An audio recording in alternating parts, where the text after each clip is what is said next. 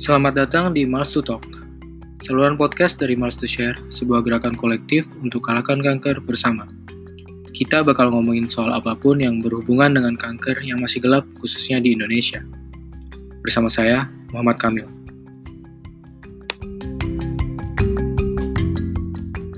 Record. Assalamualaikum warahmatullahi wabarakatuh. Wahai pemirsa sekalian, wih kayak ada yang dengerin ya.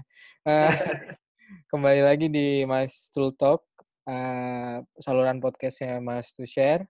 Kali ini saya bersama uh, bintang tamu, sih. uh, namanya Mas Arka.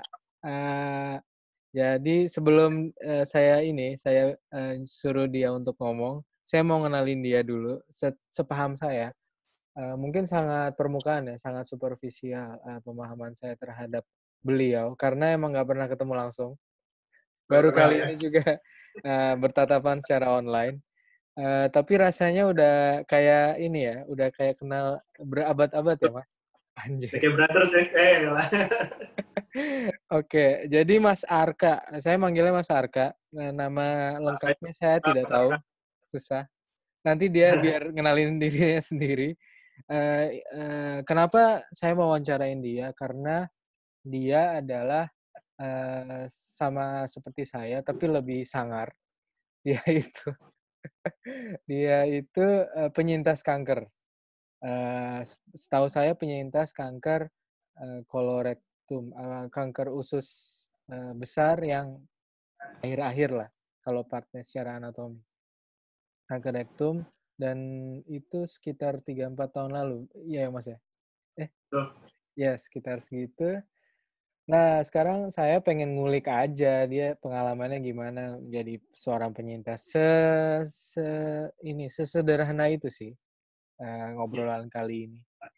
Uh, terus kenapa dia uh, bisa kenal dia? Karena kebetulan kemarin pas saya jalanin miles to share nggak uh, sengaja nggak sengaja nemu dia asik nemu dia secara online dan saya angkat ceritanya di medsos uh, di cerita kanker. Terus habis itu jadi sering ngobrol, ya beberapa kali ngobrol dan uh, pas campaign terakhir di Galang Dana dia support banget sama uh, ininya apa namanya uh, usahanya ya, usahanya Mas ya, sana usaha ya usaha keluarga usaha keluarganya sana studio dan sana kopi ya, ya. Sekilas begitu. Nah, sekarang saya mau langsung aja. Uh, Mas, nyapa dulu, nyapa, nyapa siapa? Uh, oh ya ini. Nama saya. Oh ya maaf. Ini uh, rencananya bakal uh, live di podcast secara okay. audio dan visual juga di YouTube. Jadi. Oke. Okay. Saya juga malas ngedit, jadi gini-gini aja. Jalanin terus aja ya. Iya. Oke. Okay. Ya, ya, okay. ya, kenalan Mas.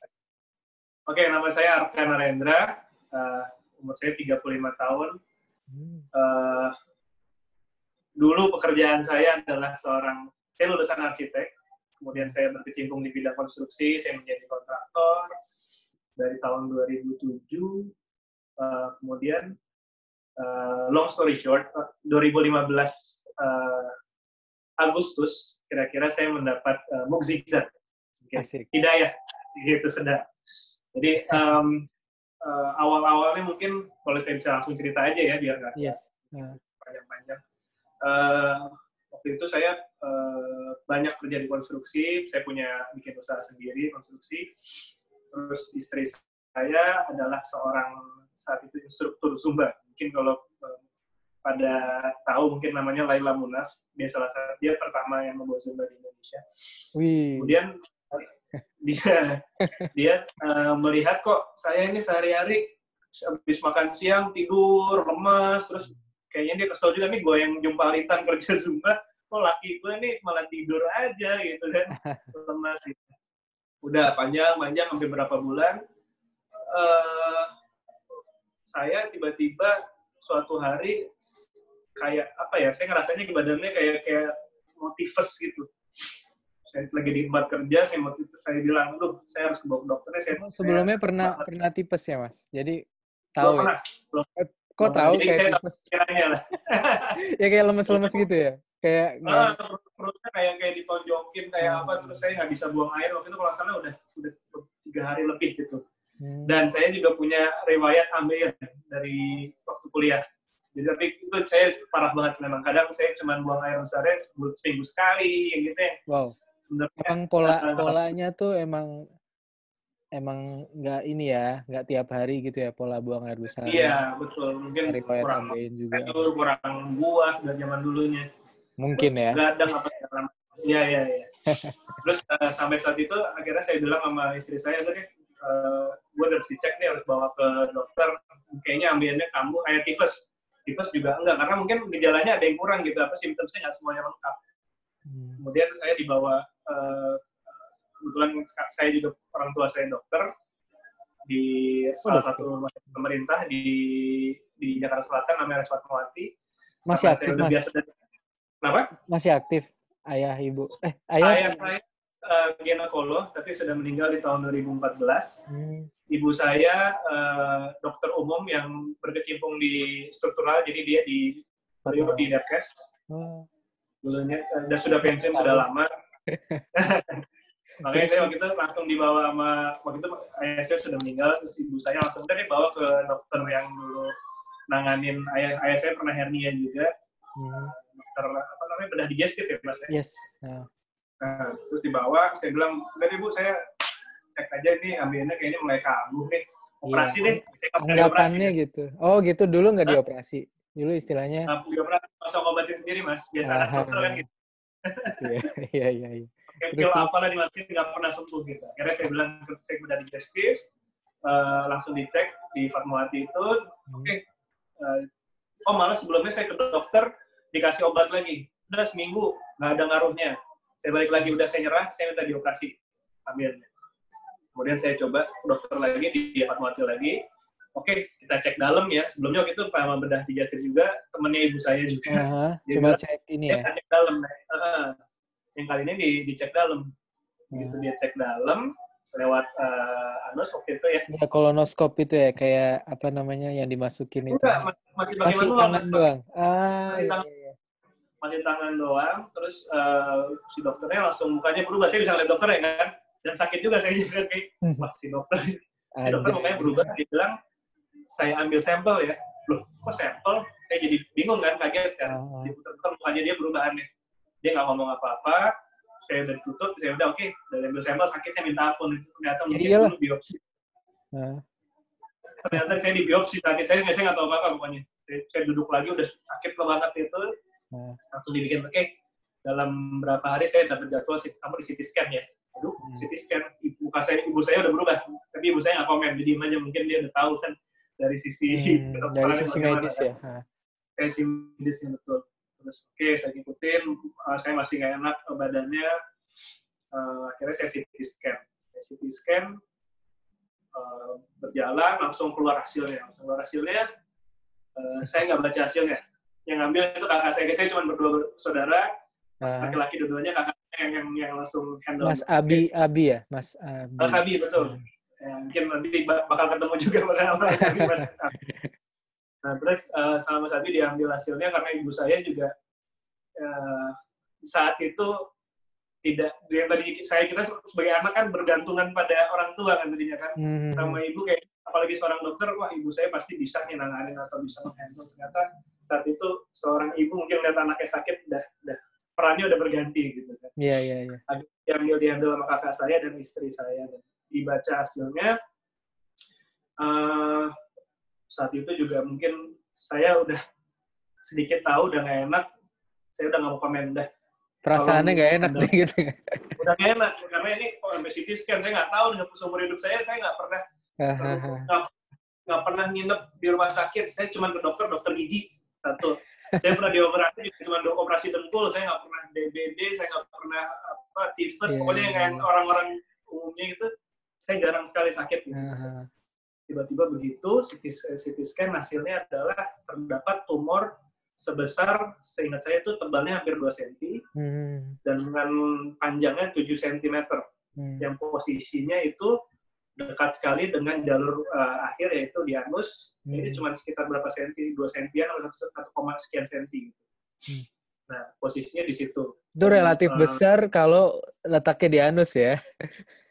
Iya, makanya mungkin saya juga jadinya sembelit itu masih ya, jadi, yeah, jadi yeah. konstipasi. Yes.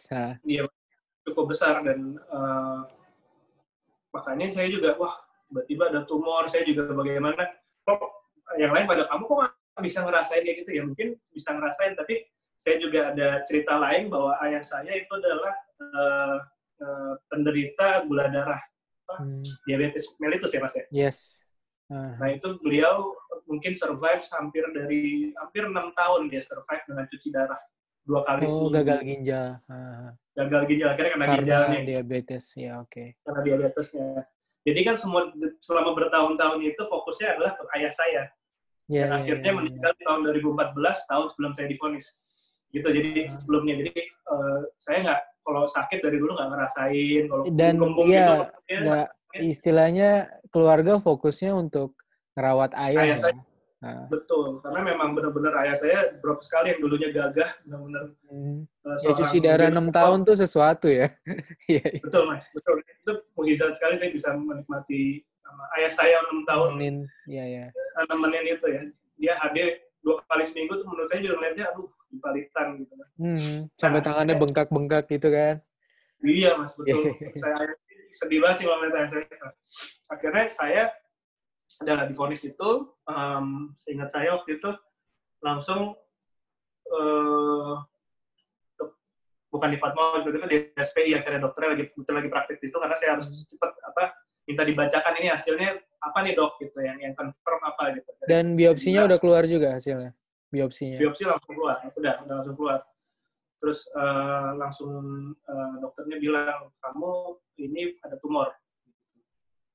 Ada tumor. Eh sorry, sebelum saya ketemu dokter itu hari Jum hari Sabtu saya ingat lebih detail lagi. Sebelum ketemu hari Senin itu kayaknya lama banget. Akhirnya saya punya seorang sahabat yang juga sepupu saya, uh, dokter bedah juga, dokter bedah umum uh-huh. hasil saya langsung dikirim ke dia yes. dia nanya ini siapa gitu ini lo gitu kan nah aduh lu nggak gua nggak tahu deh lu ngomong sama bini gue bilang gitu aja yeah, soalnya yeah. ngomong sama bini gue gua kenapa gitu sudah langsung dia sampai ke Jakarta dia di Bandung di dia di RSIS waktu itu hmm. kita dia ke, ke Jakarta untuk menjelaskan secara langsung kepada saya oke okay, besok lo ketemu dokter lo bakal dibilang begini begini begini begini hmm. lu bisa uh, mungkin minta penanganannya ada ada kemo, ada uh, radiasi, ada apa apa. Pokoknya jelasin lah itu gimana. Karena saya awam, saya nggak tahu kanker Iya iya iya. Dan gak nyangka juga kan secepat itu didiagnos eh, di ada itu kan, ada di semat itu itu kan.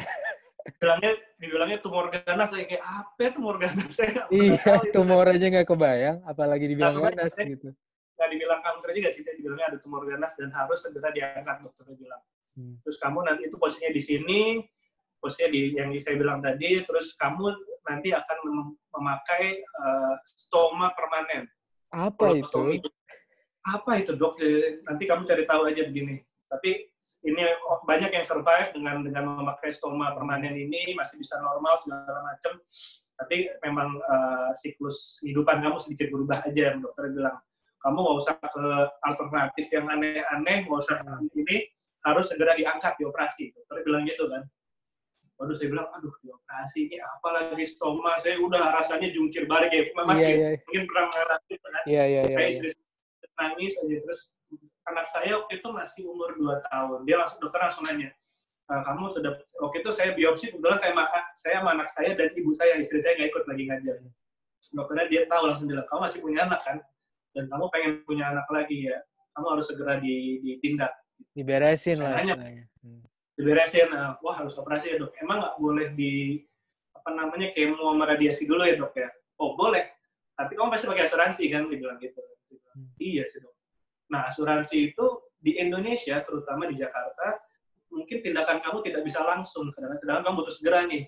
Hmm. Terus uh, mungkin mesti nunggu tiga bulan atau nunggu antrian segala macam kan kalau pakai asuransi. Terus kalaupun kamu pakai pribadi, pakai uang sendiri, satu kali kemo dia bilang waktu itu 40 juta. Dia bilang, waduh, mati juga ya, nih gue nih kayak Memang mahal sekali ya, saya bingung aja. Saya udah nggak bisa ngomong apa-apa. Pulang dari rumah, saya saya, saya dari rumah sakit, saya jalan aja, udah yuk, jalan. Nah, kemudian uh, setelah Kebayang sih. terus terus. itu masih pernah lewatin juga ya. Terus Iya, iya. pokoknya abis itu saya inget eh, udah nggak mau untungnya mungkin saya masih eling ya kalau sejalannya. Saya Hmm. saya udah gue fokus sama gue gimana caranya sembuh di gue ini paling nggak gue paling di paling titik minimal gue bisa menata emosi gue sendiri. Hmm. Jadi gue nggak mau nggak mau mikirin gue sakit apa, bagaimana penyembuhannya itu udah ada yang ngatur. Allah udah ngasih. Gue Yes, begini yes, pasti yes, ada yang ngatur. Bini gue aja biar bini gue eh, ngatur ini ya, ngatur ngatur ya. dulu ya, ngatur diri dulu gitu kan. Ngatur diri dulu gitu kan. Saya nangis cuma sekali habis pulang dari dokter itu sama mungkin orang lain nggak lihat saya sendiri. Misalnya saya diem aja nggak hehehe mungkin nggak orang lihat. Bahkan nggak nggak ngerasa sedih, eh, bukan lupa ngerasa sedih kan, nggak sempet kan. Ya nggak sempet sempet cuman ada ada keselnya why Ada. why me Wah ya. Hah, Why? gitu kan kalau dipikir-pikir dibanding teman-teman saya saya punya teman yang mau dari cewek cowok bencong semua saya punya yang bandel semua punya dan alhamdulillah saya menurut saya saya nggak bukan yang hancur-hancur banget saya bukan yang suka sama drugs saya tidak makan jeroan Hmm. paling enggak gitu saya nggak hancur-hancuran gaya hidup saya biasa aja normal menurut saya gitu kan Yes. kok saya yang kena kenapa nggak yang lain saya sering ada pertanyaan begitu gitu kan Ya, ah, pasti dan saya masih muda. Saya pikir, oh ya, saya- dulu waktu dari kecil saya cuma takut penyakit dua, kanker sama stroke. Hmm. Kalau stroke kan paralyzed. cacat kan, lah, ya cacat gitu. Cacat lah gitu. Kalau kanker, saya yang setahu saya nggak ada obatnya. Nah. Kalau jantung ya enak. Serangan jantung baik. Selesai. Iya, iya. kasih dan selesai. Gitu. Akhirnya Kalau kanker, stroke kan ngerepotin orang gitu. Bener. Iya. Saya waktu itu kena kanker udah. eh, saya lupa waktu itu kejadian coba itu Agustus 2015 kalau Hmm. salah. Akhir Agustus, Oh, 28 udah lima Agustus. ya. Hmm. 2015. Eh, kebetulan istri saya itu keluarganya banyak di Amerika. Hmm. Ibu mertua saya itu dulu pre-cancer dan diobatin kalau nggak salah udah di Singapura, di Australia, di Terus Boston di- akhirnya yang, yang, yang sembuh. Eh, mertua saya, eh, bapak mertua saya juga kebetulan orang-orang ekspat, orang Amerika. Saya eh, berterima kasih mendapat apa ya beruntung sekali saya mempunyai orang tua sambung ini Mhm. yang benar-benar memperhatikan saya. Jadi waktu itu dia bilang, oke, lu mau diobatin di sini sama dokter siapa? Nah, ibu saya, eh, saya, saya tambahin lagi, ibu saya adalah saat itu, mungkin sampai sampai sekarang masih dewan pengawas di rumah sakit Darmais, Hmm. rumah sakit kanker. Jadi Kebetulan. Hmm. saya pikir, eh, oh, eh, waktu itu kalau nggak salah bosnya beliau namanya dokter Sonar Panigoro. Yes. Hmm. Nah itu eh, ibu saya langsung bilang, ya saya mungkin mau diarahin ke beliau atau atau siapa gitu saya dibilang. Terus eh, bapak mertua saya lebih pintar lagi, nih dokter yang kamu mau kamu tuju siapa gitu. Hmm. Ibu saya lupa, dibilang dia bilang aja di Indonesia mungkin chance untuk selamatnya masih sedikit. Kalau bisa di luar, di luar aja. Intinya gitu lah kalau nggak salah. Yes, saya yes, dengar yes. di kuping saya gitu kan. Dan saya menghormati sekali eh, karena saya dari keluarga dokter, ibu saya terutama juga di Darmais, apa Hmm. yang memang rumah sakit kanker Saya gitu kan. beneran baru tahu loh, Mas, keluarga Iya, dokter. iya, Terus, itu terus. pernah cerita nggak pernah ketemu Mas Kagil kan. Jadi Terus, terus. ibu saya itu langsung langsung saya, saya, saya cuma menyatakan ke ibu saya, gue mau diapain serah, silakan. Gitu. Terus istri saya bilang, e, mama nyuruh kamu ke Boston. Aduh, kok keluar? Di Indonesia bisa juga toh, saya pikir gitu kan. Hmm. Terus saya keputusan saya ada di ibu saya. Kalau ibu saya bilang iya, saya iya. Kalau enggak, saya enggak. Hmm. bapak mertua saya juga, lu udah nggak usah mikir apa-apa, tinggalin kerjaan lu, bawa keluarga lu ke Amerika, semua di, di, di cover sama saya, dia bilang, beliau bilang gitu. Saya juga, wah, ya bingung juga saat itu saya di saat umur 30, Harus memutuskan ini ya, hal kayak gini ya, hal besar besar banget. hal, kan. hal besar ya, kalau mungkin dibilang kan life changing, karena saya harus meninggalkan karir saya, Yes. istri saya pun harus meninggalkan karirnya dia yang lagi lagi menanjak ini, waktu itu masih di bidang olahraga ya, Yes. dia influencer dari Nike kalau nggak salah eh, harus meninggalkan semua anak saya masih kecil jadi sekolah pun masih nggak apa-apa ditinggalin Hmm. Eh, pokoknya meninggalkan semua suruh berangkat langsung wah saya bilang wah gimana ya ternyata ibu Itu saya dalam waktu berapa lama, Mas? Dari Agustus itu di ditemukan, itu berangkat ke Amerika kapan, Mas? saya sampai di Amerika 6 September Oh, cepet banget ya.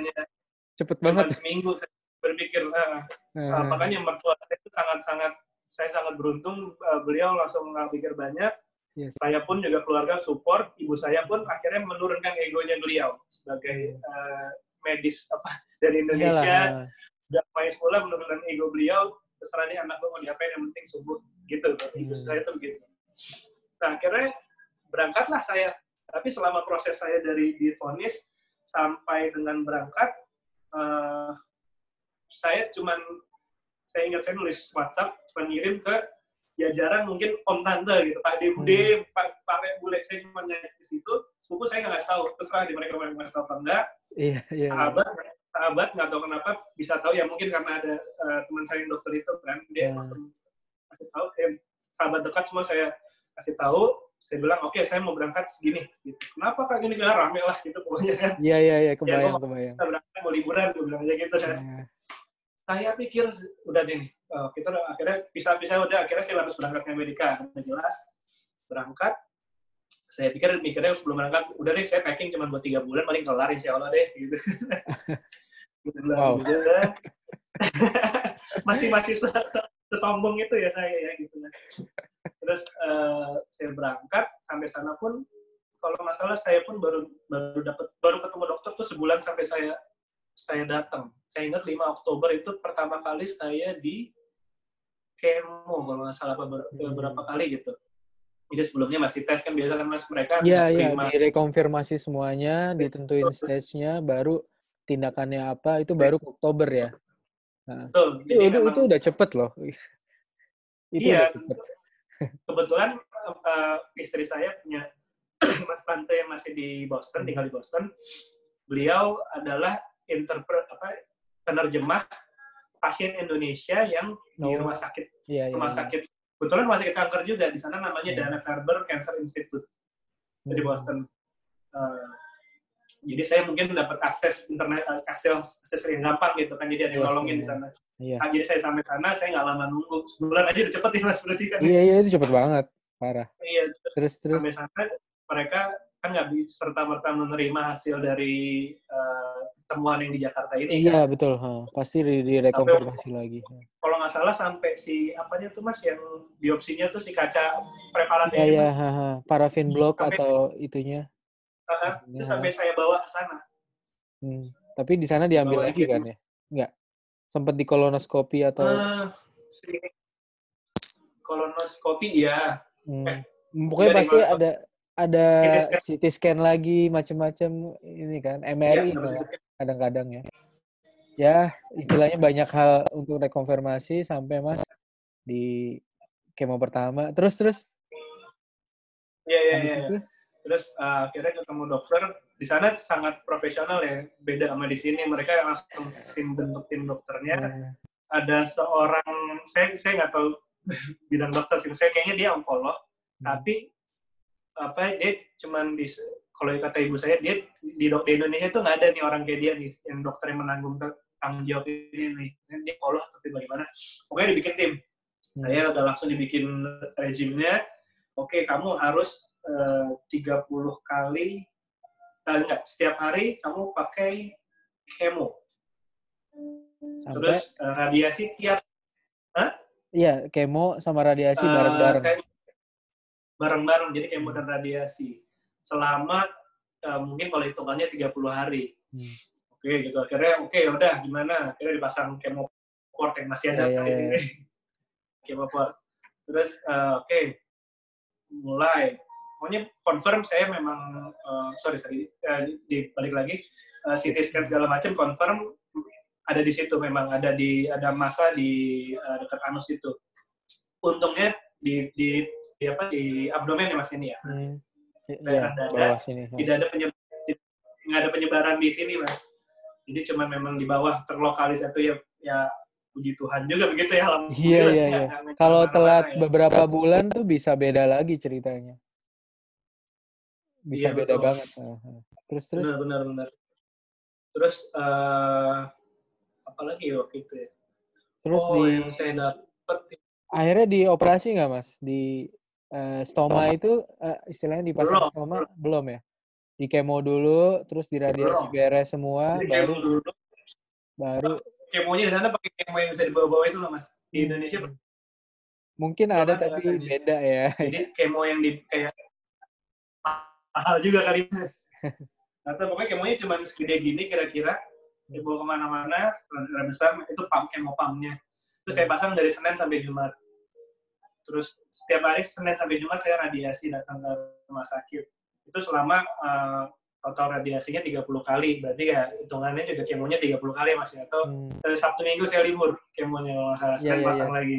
Persis di sini juga gitu. Terus ya, kayak gitu juga Nah, terus saya pikir wah enak nih udah selesai. Saya udah selesai itu uh, eh, CT scan lagi kalau nggak salah atau apa ya gitu ya. Setelah setelah uh, rezim yang pertama itu. Uh, katanya masanya sudah pecah dan menjadi kayak jerawat segala macam. Tapi nggak perlu cerita gimana efek samping pas ngelewatin ya mas ya. Iya. tahu juga. Iya iya. Terus terus. Terus udah jadi pecah. Di situ saya istirahat lagi selama hmm, sebulan bulan gitu. Ya kamu harus tetap dioperasi diangkat. Gue bilang wah, gue pikir di Amerika ada teknologi lain yang saya nggak perlu dipakai stoma, saya masih bisa mempertahankan di buangan akhir itu gitu kan. Ternyata sama aja Iya. hasilnya sama aja kayak di waktu sekolah saya di Indonesia gitu kan. Terus um, oke okay, jadi Januari 25 itu saya dioperasi, diangkat lagi uh, akhirnya Semuanya. dokter hmm. uh, uh, bedah bedah digestif berarti dia. Yes, bedah digestif. Di dia bilang oke okay, ya, dia saya buka harus buka dari depan sama dari belakang bawah jadi jelas bawah itu dibuka kan karena bawah dibuka diambil depan, semua saya, diputer ya. di ke depan ya anusnya. Uh, uh, betul. Makanya akhirnya saya memakai stoma. Stoma itu kalau saya bisa bantu, saya setahu saya itu adalah di bypass lah istilahnya mas ya. Jadi yes, saya pembuangan-buangan akhir saya, fase saya melalui perut khususnya. Gitu. Keren dong. Saya juga, ah lu nggak tahu. Hah? Keren. Keren kan? Enak mas. Gak perlu kamar mandi lagi mas. Jadi teman-teman, ya, si Mas Arka ini keren beda dari orang lain karena eh, uh, buang air besarnya tidak di kloset. Oke. Okay, iya. Dan permanen ya itu ya sampai asik. Itu bisa ngeden-ngeden juga gak sih? Iya kan ngatur otot perut kan ngedennya. Uh, Maaf saya tanya teknis. Penasaran. Nggak apa-apa, nggak apa-apa. Karena ini uh, saya juga saya tidak mengumbarkan saya saya pakai ini pakai itu karena buat saya juga mungkin ada nggak semua orang bisa menerima itu. Yes, huh. Kalau yang mau tahu, tanya saya akan menjelaskan dengan yes. gamblang. Gitu. Terutama uh, teman-teman yang uh, diindikasikan ini ya operasi untuk ini pasang stoma yang iya. ragu-ragu dan yeah. menolak gitu di Indonesia. Uh, sepaham saya ini termasuk yang tabu juga gitu, tabu untuk dilakukan. Misalnya keluarga disarankan seperti itu, ditolak, wah masa nggak normal apa masa eh dari depan gitu ya kayak gitu nanti mungkin yang teman-teman yang punya uh, problem untuk pemahaman itu bisa ngubungin Mas Arka ya Nggak soalnya iya, iya. benar-benar butuh insight dari yang udah udah jalanin gitu, udah jalanin berapa tahun dan uh, dan bisa hidup biasa aja kan, ya nggak sih? Ya sih sebenarnya adaptasi aja kan. Nah, ini masih bisa hehehe kan. ya mungkin ya kalau orang itu maksudnya tidak tahu background saya melihat fisik saya nggak tahu tuh saya bisa bisa bisa bikin trik yang baru ini ya gitu. jadi uh, saya juga akan saya kalau nggak ditanya saya nggak akan cerita hmm. saya saya akan cerita segamblang-gamblangnya kalau mereka ini memang emang benar-benar ingin yes. tahu gitu. hmm. jadi memang uh, waktu saya itu di selari operasi itu ibu saya juga terbang sana akhirnya ibu saya nggak tahan melihat saya begitu dengan hmm. tiba-tiba ada alat baru habis operasi saya uh, banyak sih memang emang apa ngejalanin si treatment ini kemo itu ternyata tidak separah yang saya bayangkan. Yeah. Saya dengar dengar ceritanya. Di film-film gitu ya. iya, ternyata menurut saya alhamdulillah di saya saya tidak mengalami seberat itu menurut saya gitu. Terus uh, saya akhirnya dioperasi dioperasi pikir wah udah dong gue boleh pulang nih. Oleh udah pikir cuma tiga bulan kan. Hmm. ternyata enggak kamu masih istirahat lagi sebulan lagi kita kemo lagi. Hmm. wah dok masa kemo itu benar-benar diberesin lah istilahnya enggak uh, istilahnya uh, itu kan kayak agresif terapi ya. Jadi karena Benar. Mas masih muda, masih aktif dan masih punya chance hidup yang baik untuk organ-organ lain. Jadi benar-benar Iya. ditotal lah istilahnya, benar diambil se Betul. semaksimal mungkin Iya. gitu. Nah, makanya Jadi memang saya habis dari kesannya banyak itu saya banget di kan. lah. Nah, kesannya gila diapa-apain aja nih aku gitu kan. Padahal itu Iya, yang terbaik Kayak gitu untuk Bisa never ending appointment ya betul ya Mas? ya? Hmm, yes, yes. Doctor's appointment. Akhirnya ya, memang saya di kemo lagi, ya saya, saya singkat sedikit, 8 kali, dua minggu sekali ya Mas ya. Hmm. Wow. gitu akhirnya jadi eh, kemo lagi ya itu ternyata yang, yang kedua kemo rezim yang kedua ini lebih lebih nonjok saya ternyata Iya, iya, gitu, yang lebih berat side side effect-nya terus em, saya juga boleh cerita lagi waktu setelah operasi ketika mau dirilis dari rumah sakit saya eh, karena ada ada luka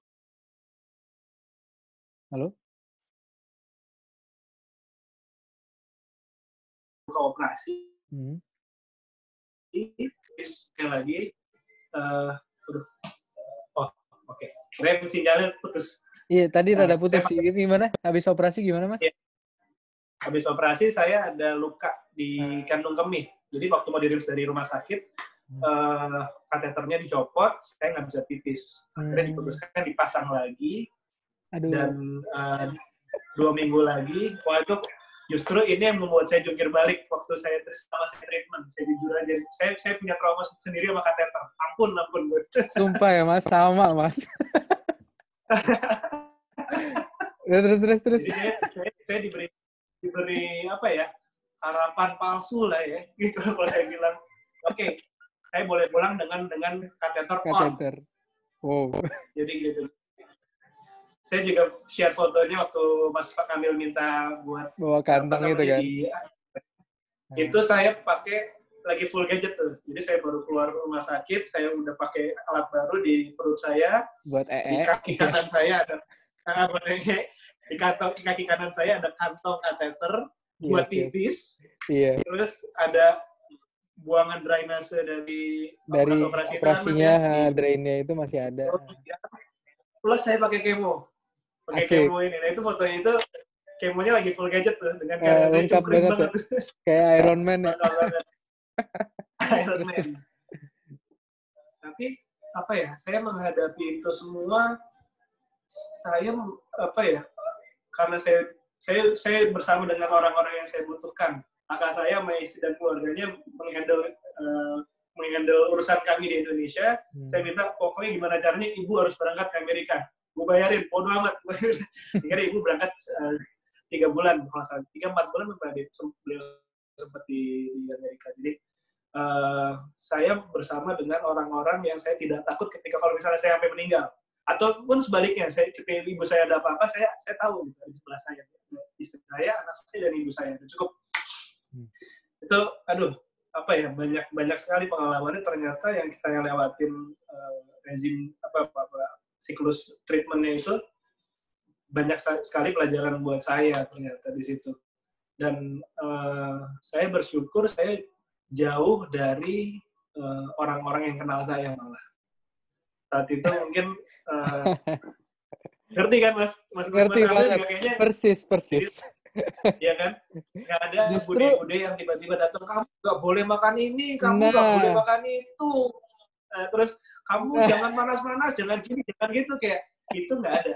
Orang di sana kan mungkin nggak tahu saya, memang ada keluarga istri saya, tapi keluarga istri saya sangat mendukung. Yes. Ketemu teman-teman istri saya, saya juga nggak bilang kita tuh ngapain di Amerika sebenarnya. Akhirnya mereka bertanya-tanya, lu ngapain? Sekolah bukan? Liburan kok kayaknya kamu kaya banget bisa berbulan-bulan di sini. Kerjaan kamu gimana? Tapi bi- kita juga bilang, oh enggak, kita lagi treatment. Wah, baru mereka baru tahu. Iya, iya, iya. Pelan-pelan saya ya. seneng malah ngadepin. Pelan-pelan Benar. tahu semua. Jadi saya anggapnya liburan aja mas ya di luar negeri. Saya nggak pernah selama itu tinggal di Amerika. Anak saya menikmati gimana, gimana apa ya quality of life yang benar-benar yang yang yang Benar-benar uh, keluarga ya mungkin- bertiga sama mama sama. betul. Nah itu ya support saya semua ada di situ. Jadi memang uh, Pas di rumah sakit, apa, Gimana mas? Ini aku tanya secara detail ya. Pas di rumah sakit Oke. kan nggak ditungguin kan malam? habis operasi itu Nah. kan istilahnya kan keluarga kan nggak boleh ada yang nungguin kan di Amerika gitu nggak sih?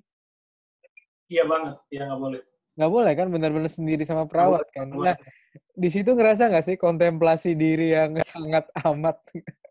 ya, aku aku sih gitu.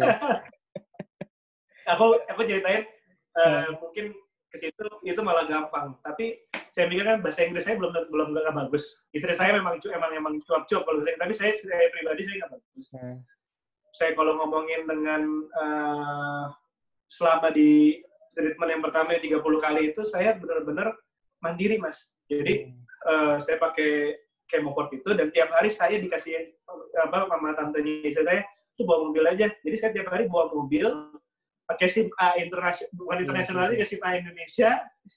Terus saya cek- pergi ke rumah sakit nyetir sendiri vale udah jalan lagi. Jadi jelas gitu maksudnya.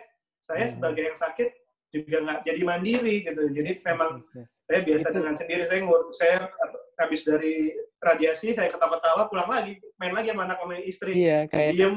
kayak kayak jadi, gitu jadi ya. memang apa nyaman sekali ya di sana jelas gitu. Jadi Hmm. memang saya juga nggak nyari parkir jelas karena saya pasien. Nih vale itu sangat memudahkan. Nggak stres kita dia juga. Jadi saya Hmm. saya tahu ketika saya ke rumah sakit saya tahu pulangnya jam berapa kalau di Indonesia coba gimana mas? Maaf ya mas kalau dari Hmm. sebagai sisi medis.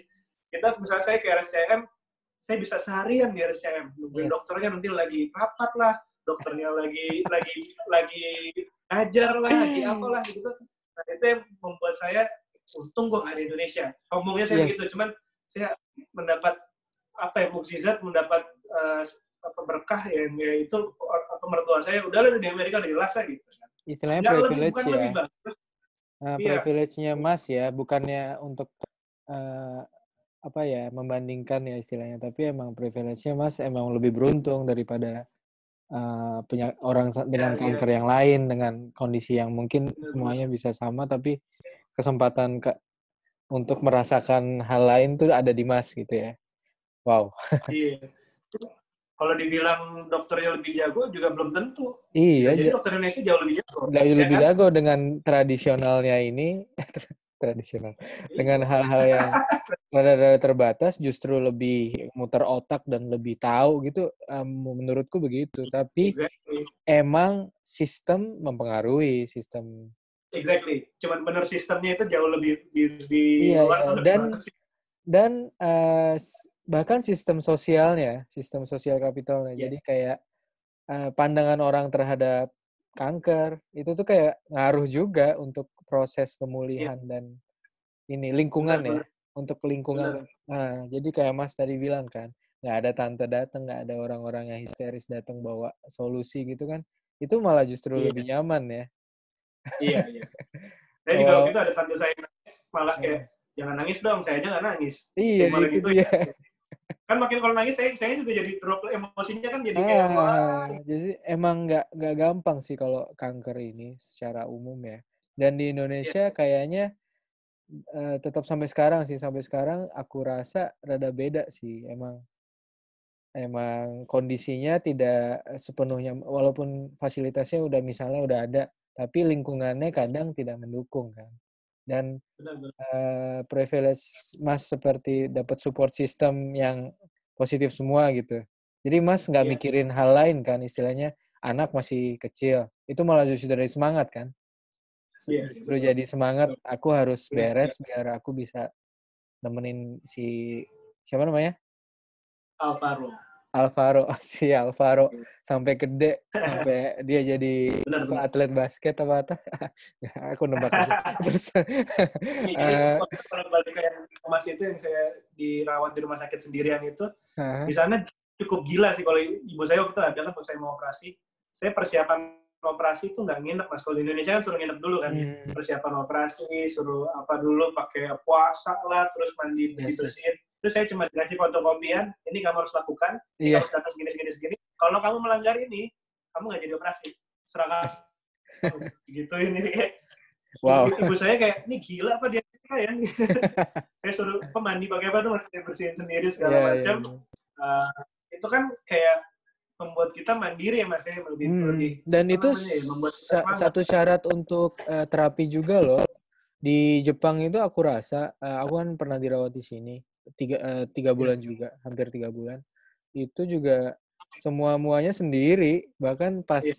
habis dipakai uh, operasi leher itu pun uh, cuma tiga hari boleh rebahan. Habis itu harus gerak, habis duduk harus harus ini harus yeah. ke kamar mandi karena itu stimulus untuk kesembuhan kan apa Betul. rehabilitasi medisnya langsung uh, saya kan pernah masuk ICU juga itu itu juga langsung di rehabilitasi. Mas jauh lebih gila dibanding saya, bukan enggak, saya itu, gila, Enggak, enggak, itu beda beda. ya, itu istilahnya di ICU pun uh, masih sadar pakai ini pun dokter rehabilitasi medik udah datang udah menilai gitu bahwa saya tuh harus digerakin apanya biar tetap ini loh, biar fungsi badannya tuh tetap baik dan menunjang pemulihan kan kalau misalnya semua yeah, aktif. Yeah. Jadi emang uh, pemahaman itu semua satu visi kan mas, ya nggak sih perawatnya, dokternya, ya nggak sih mas?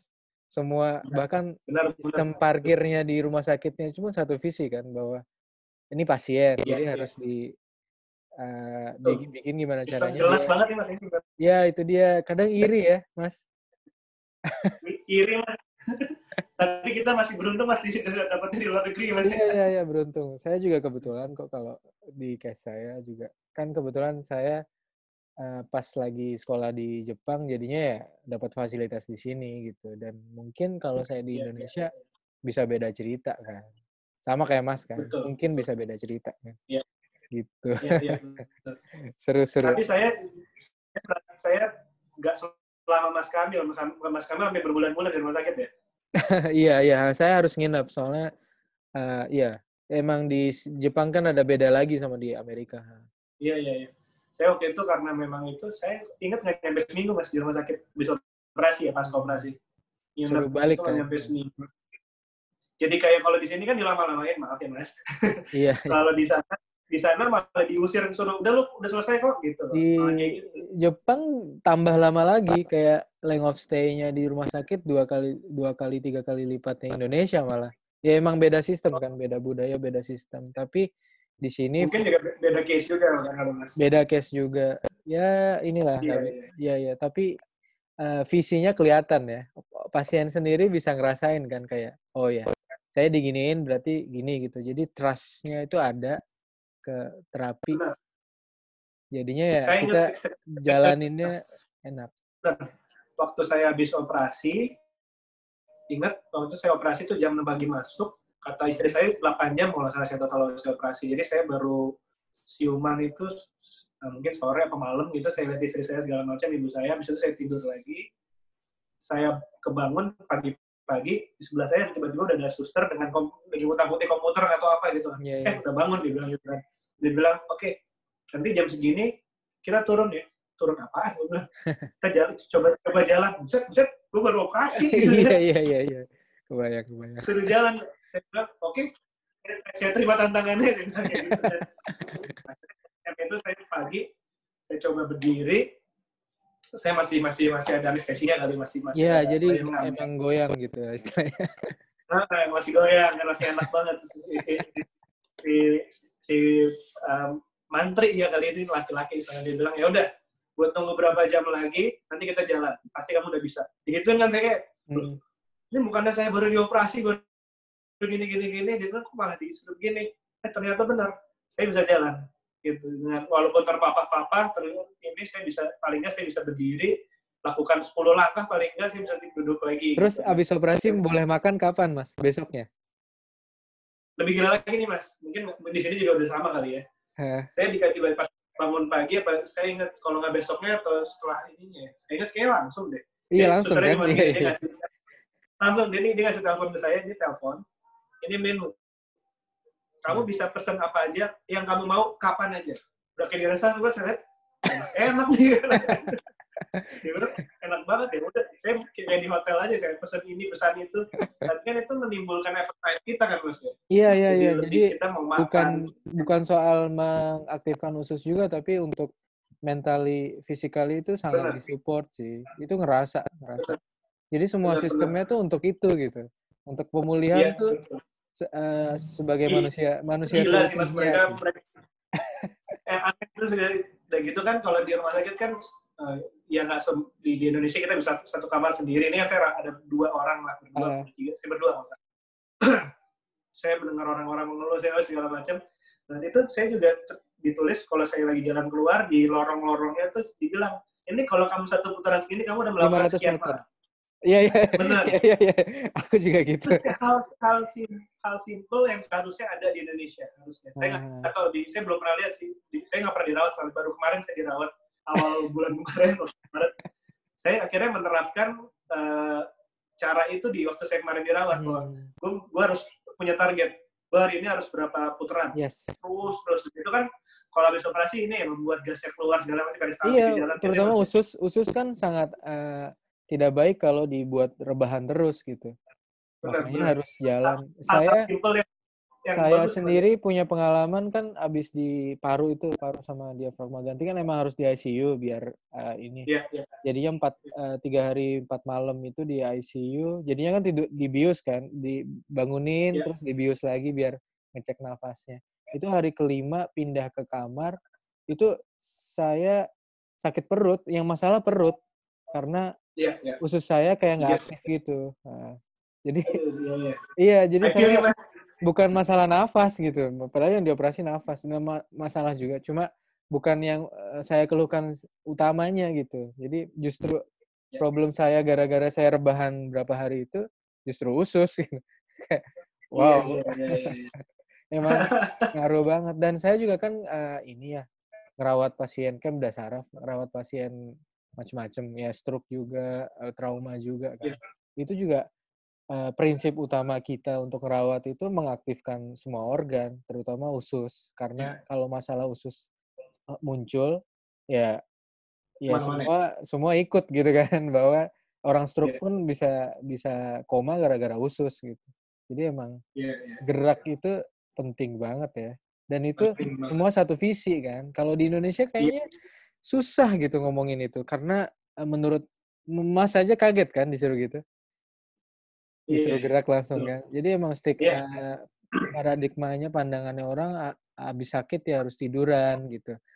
Habis operasi ya harus istirahat, nggak boleh gerak gitu. Itu justru kontra yeah. dari uh, prinsip pemulihan sih. itu yang uh, waktu pertama aja saya ingat masih saya masih harus minum painkiller kan masih waktu itu saya ingat terus uh, saya dikasih suntikan apa saya nggak tahu mas itu yeah. ada berapa ba ada banyak itu kan karena karena si dokternya tahu saya punya ibu seorang dokter saat itu ada yeah. oke okay, lu punya ibu dokter kan udah lu boleh pulang nih ada suntikan ke suntikan sama ibu lu kayak wah itu lebih gila ibu saya lagi saya, saya mikir kan ibu saya bisa melakukan itu dan ternyata nggak bisa. Iya, konflik of interest lah. Bener, bener istri saya takut jarum, ibu saya udah udah udah nggak bisa ngeliat kayak gitu kan. Yeah. saya bisa saya nyuruh sendiri mas di, di paha di bawah di dekat uh, di dalam itu kan saya cari yeah, ini mas yeah, otot, yeah, yeah. Itu saya lakukan sendiri yang nggak mungkin saya nggak akan lakukan kalau di Indonesia deh kayaknya yeah, itu. Yeah. Jadi dikasih ini, ini suntikannya, kamu harus lakukan ini tiap jam berapa gitu kayak gila juga. kalau ibu-ibu saya kalau saya salah gimana? Kalau ibu saya gitu gimana?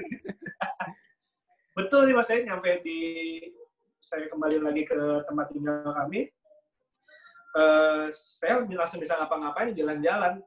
Waktu itu lagi winter, saya ingat uh, saya punya jahitan di bawah situ kan, hmm. di dekat uh, uh, ini juga apa skrotum saya juga.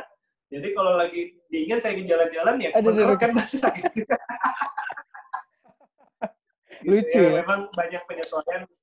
Iya, iya, adaptasi sih kan apa ya udah 30-an tahun hidup dengan anus tiba-tiba tanpa anus gitu. Itu kan iya, apa ya itu wow banget sih adaptasinya pasti.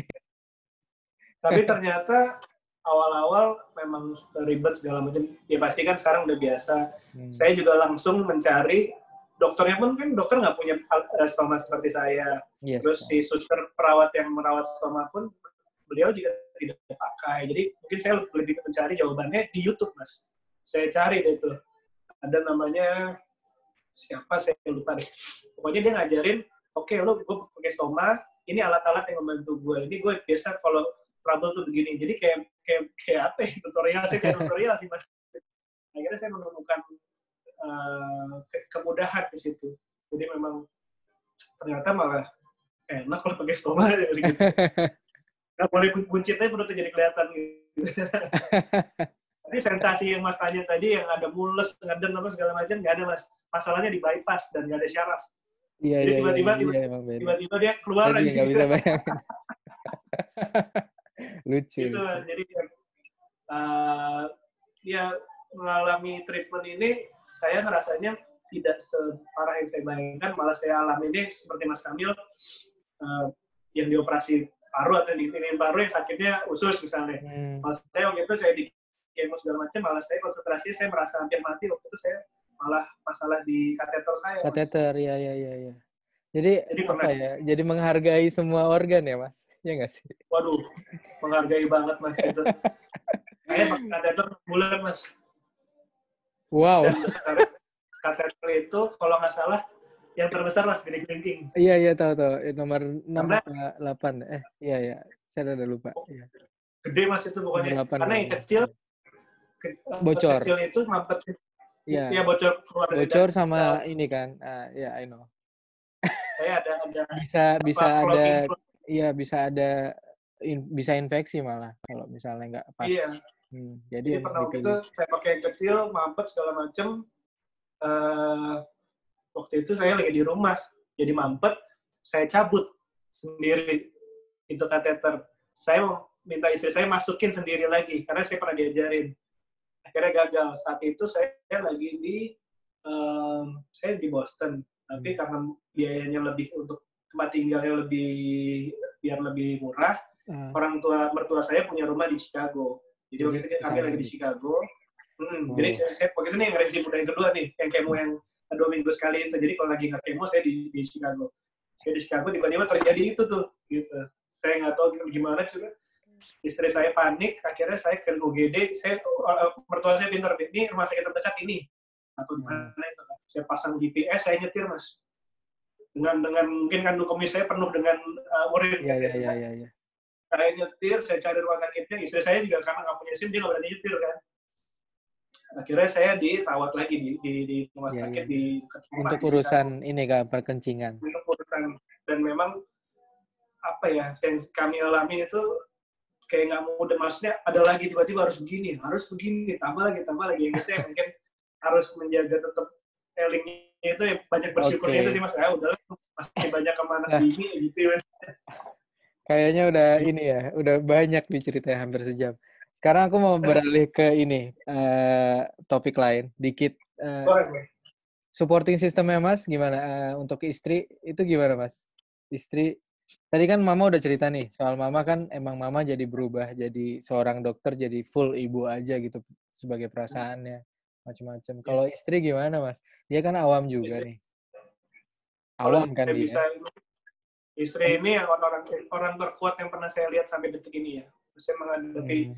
Dia tiba-tiba ngawinin seorang laki-laki yang tiba-tiba kanker Itu udah berapa tahun nikah Mas? Itu eh, berarti. saya kawin menikah 2011 Jadi Berarti mungkin belum ada lima tahun ya pas itu ya. belum Eh, masih empat tahun anak kami waktu itu masih baru dua tahun gitu Iya. tiba-tiba begitu Mas pernah kebayang nggak jadi dia? Gila kali ya. iya kayaknya sih begitu ya gitu Bayang banget tiba-tiba dia jadi, jadi bapak dan jadi ibu juga gitu kan. Karena eh, peran itu saya eh, paralyzed lah paling kan nggak banyak yang nggak bisa saya Hmm. lakukan. Terus eh, saya sangat sportif istri saya tapi sportifnya gini dia tidak tidak memanjakan saya sama sekali gitu. Iya saya dibikinin jus tiap hari cuman sisanya saya ya udah lu masih bisa jalan kok masih bisa mikir punya otak kan ya kasarnya begitu lu bisa bantuin gua dong anak-anak lu lagi lagi butuh disuapin lu suapin dong. Ngerti ya, nah itu istri saya sampai detik ini pun begitu. Tapi itu mungkin caranya dia untuk Support. menutupi ketakutannya dia ya. Hmm. gitu. Atau supaya membuat saya juga tetap semangat tidak manja dan ya it works gitu. Dan kata-kata kata-kata dia yang tuh waktu pertama kali difonis dokternya bilang oh saya bisa. Apa enggak. Saya yang ke dokter saya dicek cek gen- cek genetik ya mas ya? Hmm, gennya ya. ternyata secara genetik saya nggak nggak terbukti Hmm. turun. Dan umur seumur saya kok bisa kena rektum itu harusnya kan 50 tahun ke atas biasanya Mas, kan? ah, Jadi faktor risikonya dicari nggak ketemu kan? nggak ketemu gitu. Hmm. sampai sampai si yang yang yang research genetiknya kamu boleh nggak jadi bahan research kami? gitu kan. Kok bisa kena umur segini? gitu. Iya. nah saya tanya dokternya terus kenapa saya kena? Eh, ya bad luck aja. Hmm. Enak banget jawabnya gue sakit kayak gini ngomong luck bisa tendang gitu Tapi saya- gitu? saya, saya, saya bilang ya apa uh, istri saya bilang kamu bukan luck you're the lucky one nggak semua orang dapat mukjizat seperti ini dan Hmm. itu membuat saya juga jadi jadi kuat lingkungan saya sahabat saya juga ada yang bilang pas waktu saya mau berangkat dia bilang lu nggak usah eh, waktu itu pakai Twitter eh, apa Pat lu nggak usah cekin cekin di rumah sakit apa nggak usah banyak drama nggak usah banyak ngepost lu fokus aja. Oh iya deh. Yang kecil-kecil kayak gitu membuat saya malah kuat istri saya. Anak saya pun juga eh, saya kami tidak kami tidak membiasakan bahwa ini urusan uh, orang tua ini urusan anak. Enggak. Hmm. dia harus tahu bapak lu kenapa? Lu nggak bisa ada yang lagi nggak bisa lu kerjain sama bapak lu karena bapak lu begini. Dan dia ikut ke rumah sakit segala macam sangat suportif nih. Kayak mungkin dia juga udah lupa. Saya pernah saya, saya kanker juga dia nggak tahu. Cuman saat itu dia bilang setiap saya ke rumah sakit ayo ayah. Eh kalau gitu dia belum bisa bahasa Indonesia ini hilang tuh dia bahasa Iya, Inggris. iya, come on iya. dad. You can do it segala macam. Saya harus jalan lebih cepat segala macam. Ayo ayo. Kecil-kecil seperti itu kayak wah sialan nih kalau gue begini terus gue gak bisa main sama anak gue kan gitu. Iya, iya, iya. Justru jadi energi ya. Iya, iya, iya. Energi banget dan gak ada gak ada bule-bule yang yang malah bikin saya nangis gitu loh mas Nah, gitu Jadi message-nya itu justru eh, apa ya bagi pejuang kanker yang lagi berjuang itu kita nggak perlu yang nggak perlu hal-hal yang justru ngebikin negatif ya Eh, Benar. istilahnya. Ah. karena saya, saya balik nanya Mas Kamil Mas Kamil ngerasa mau mati nggak gitu Ya iyalah kayak what what the fuck gitu kan. Apalagi pas di ICU eh apa ya? Banyak deh banyak eh, banyak pikiran tapi kayak tapi kayak oke ini kalau mati aku eh, eh, pokoknya campur aduk sih, mix feeling banget. Iya, iya, iya. Hmm, jadi kalau saya waktu itu malah berpikir ngerasa pas deket sama kematian iya, n- ngerasa deket Iya. sama kematian iya, tapi eh, benar-benar memutuskan untuk ngadepin gitu. Apa ya? Kayak gitu. Exactly. Bener mas. Karena ada, ada, ada yang bisikin kan, lu belum bisa Hmm. belum mau mati kok, gitu kan masih ada bisikan Nah, gitu. kan. kayak kayak uh, I want to face it gitu kan. Kayak kayak emang ke iya. situ arahnya. Iya iya iya. Karena memang kalau saya sok sok Islami ya mas.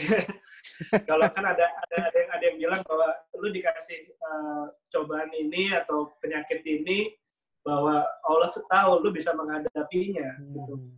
Menghadapinya kan bukan berarti sembuh. Mati pun bukan berarti kalah kita kan mas. Kalau Yes, Mas yes, Amil juga setuju kan. Dan eh, jadi saya waktu itu pasrah aja mas. Kalau kita dulu gitu ya pasrah mencoba Iya, untuk level pasrah, ikhlas. pasrahnya tuh udah ke tahap itu ya. Iya nggak sih? Iya betul mas. Jadi apa ya? eh, ya susah juga ya. iya, iya, deskripsinya Kalau susah. diceritain ngomongnya gimana? ya? Iya, iya, iya. Tapi eh, titik-titik itu tuh jadi kayak turning point di hidupnya Mas nggak? Sangat mas. Jadi saya lebih ya, kayak balik lagi. Saya menghargai sekecil-kecil apa pun itu kan. Lebih banyak bersyukur, bersyukur dan bersyukur itu aja sih mas. Saya juga eh, Kalau dengarnya sih klise, tapi beneran gak sih? Iya sih, aku sih gak ngerasa gitu. Kayak anjir setiap detik tuh kayak setiap momen ini, setiap momen hidup ya, itu patut dirayain, patut di eh, bahkan tindakan-tindakan yang ya ya kecil-kecil tadi kan mas, itu tuh Iya, sangat iya, betul, berarti sebenarnya. Apalagi hubungan-hubungan dengan orang, hubungan dengan keluarga yang bahkan ya kan jadi turning point banget ya, parah ya. Jadi kalau diulik lagi sebenarnya beneran mukjizat kan mas kalau dapat kanker Saya rasa saya sangat bersyukur saya dapat kanker ini karena saya bisa melihat hidup dari kacamata yang tidak mungkin saya pernah bayangkan dulu. Gitu. Itu aja sih mas. Hmm, kayak Gitu. kalau saya pernah nulis tuh di blognya mas share tuh kayak pagi yang biasa tuh udah kayak pagi yang spesial banget ya pagi gitu. Apa ya? Ya itulah. Dan- banyak hikmah yang eh, menurut saya juga ya banyak hikmah yang bener-bener tahu tuh bertahap gitu. Bukan bukan habis sembuh langsung ye kayak eh, merayakan tuh enggak tapi bener-bener perjalanan waktu bahkan sampai sekarang sampai uh, saya wawancara Mas juga bertambah kan itu. Kayak wih kalau saya nggak kanker saya nggak ketemu Mas Arka kan. Kayak kayak gitu gitulah kayak kayak hal-hal yang gitu dan kita nggak bakal ngaruh ke orang lain. Dan kemarin gara-gara saya kenal Mas Arka kita bisa lebih support ini kan campaign saya yang membantu pita kuning misalnya. Jadi kan emang kalau kita nggak kanker kita nggak bakal kan ngelirik mereka. Mungkin ya mungkin. Kita nggak tahu juga.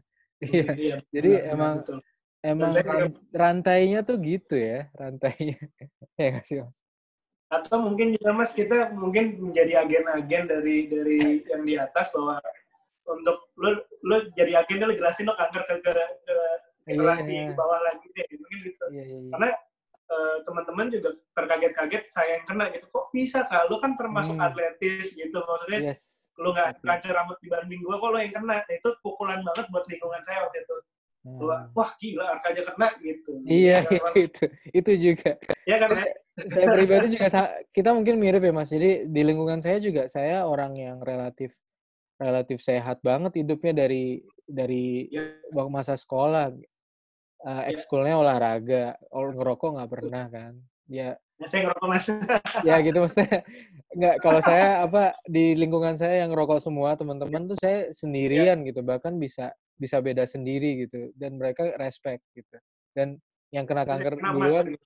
yang kena kanker duluan saya gitu itu kan uh, teman-teman iya, jadi kayak wow gitu ya jadi benar-benar agen untuk ini sih untuk uh, salah satunya untuk agen untuk ini ngasih tahu bahwa uh, kanker ini nyata gitu dan awareness buat yeah, iya. kanker yeah. ini mungkin di Indonesia belum ter, belum terlalu ya belum terlalu kita cerminannya kayak di sistem pengobatannya pun beda kan di luar negeri yeah, yeah. Indonesia.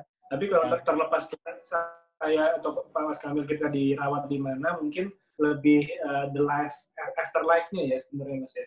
Hmm. Kayak yang tadi Mas Kamil bilang, mungkin saya menjadi kalau saya di agen di uh, agen stoma atau agen kanker, kanker kolorektal dan itu ternyata memang ada beberapa yang membaca cerita saya di media sosial. Saya nggak jarang kan ngasih tahu. Tapi ada tiba-tiba teman kuliah saya bertanya soal soal yang sama, yang dia bapak-bapaknya harus mengalami begitu. Akhirnya saya mencoba membantu lah gitu ya. Hmm. Saya membimbing. Itu yang membuat saya membimbing ya, iya maksudnya. Yeah, yeah, yeah. Lo ini, ini ini tapi saya, saya sampai saya kasih foto, ini saya telanjang dada nih. Ini. Saya nggak masalah, saya kanker. Ini saya olahraga, ini masih masih ada sampai segitunya gitu maksudnya. Dia jadi bahwa, pede kan, jadi yakin. Iya, gitu. it's not the end of the world, right? Hmm. ya kira-kira gitu Dan sih. Yang paling, yang paling gitu ya. ya, ya istri saya bilang istri saya juga sih bahwa ini cobaan atau yang kita didapatkan ini belum tentu uh, nanti ada nggak ada cobaan lagi. Ini baru awal gitu. Nanti yes, hidup yes, kita masih panjang dan pasti ada cobaan yang lainnya lagi. Jadi be tough, right? Seru-seru. gitu, mas, mas. Iya, kayaknya udah ya. sejak ya. ini deh. Kita mungkin punya part. Iya, punya part Sorry, yang man. selanjutnya mungkin ya. Iya nggak sih? Boleh, boleh. boleh, boleh. Terima kasih banget ya Mas sudah berbagi cerita. Uh. Ya kira-kira teman-teman terima kasih semua uh, kesempatan ini makasih banget Mas Arka sekali gitu, lagi ya nanti mungkin kita bakal nyambung sama Mas Arka lagi di lain kesempatan di uh, aktivitasnya Mas Susyar selanjutnya mungkin ya nggak sih ya. amin ya. ya. Ya, mendukung Mas Kamil. Mas Kamil ini the best nih orang gila. Uh, wow, udah stop, stop. Oke Mas, saya stop recordnya ya.